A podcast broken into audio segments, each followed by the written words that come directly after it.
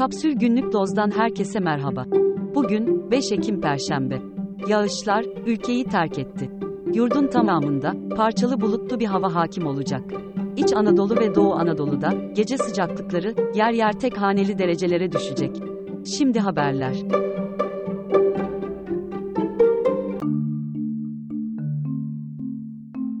ABD merkezli düşünce kuruluşu Freedom House'ın internette özgürlük raporunda Türkiye, internetin özgür olmadığı ülkeler arasındaki yerini korudu. Türkiye, internette özgürlük açısından 70 ülke arasında 55. sırada. Geçen yıla göre gerileme yaşayan Türkiye, şu ülkelerin gerisinde yer alıyor. Ruanda, Azerbaycan, Sudan, Irak ve Libya. Ayrıca Rusya, Çin, İran, Belarus ve Birleşik Arap Emirlikleri ile aynı kategoride.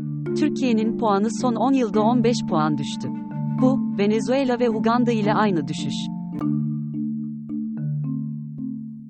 Terör örgütü propagandası suçlamasıyla 101 gündür tutuklu bulunan gazeteci Merdan Yanardağ ilk duruşmada tahliye edildi.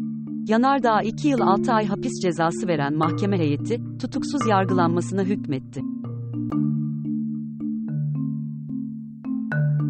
Bakanlığın başlattığı uygulamayla kimliklendirilen ev hayvanı sayısı 2 milyon 31 bin 112'ye ulaştı. Bunların 1 milyon 209 bin 672'si kedi, 821 bin 400'ü köpek ve 40'ı gelincik. Cumhurbaşkanı Erdoğan'ın dün gerçekleşecek AKP grup toplantısı yaşadığı gribal enfeksiyon nedeniyle iptal edildi. Erdoğan bugün İspanya'nın Granada kentindeki Avrupa Siyasi Topluluğu zirvesine de aynı gerekçeyle katılmayacak. JP Morgan, BIMI, Orta ve Doğu Avrupa, Orta Doğu ve Afrika bölgesinde en beğendiği 10 şirket listesine eklediğini açıkladı.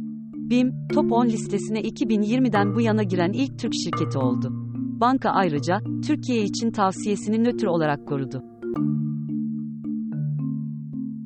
Avrupa'da iş açığının en yüksek olduğu ülke, 934 binli Almanya oldu. Almanya'yı, 331 bin açık iş sayısıyla Türkiye ve 250 bin açık iş ilanı ile Hollanda takip etti. İş gücü açığı oranının en yüksek olduğu ülke ise Hollanda. Çevrimiçi iş ilanlarında en çok aranan meslekler, yazılım geliştiriciler, mağaza satış asistanları ve sistem analistleri. İngiltere'deki Exeter Üniversitesi'nde Büyü ve Okült Bilim Yüksek Lisans Programı açılacak. Arap ve İslam Çalışmaları Enstitüsü bünyesindeki bir yıllık program, Eylül 2024'te başlayacak. Programda sunulacak dersler arasında, Batı Edebiyatı ve Sanatında ejderhalar, halüsinojen maddeler felsefesi bulunuyor.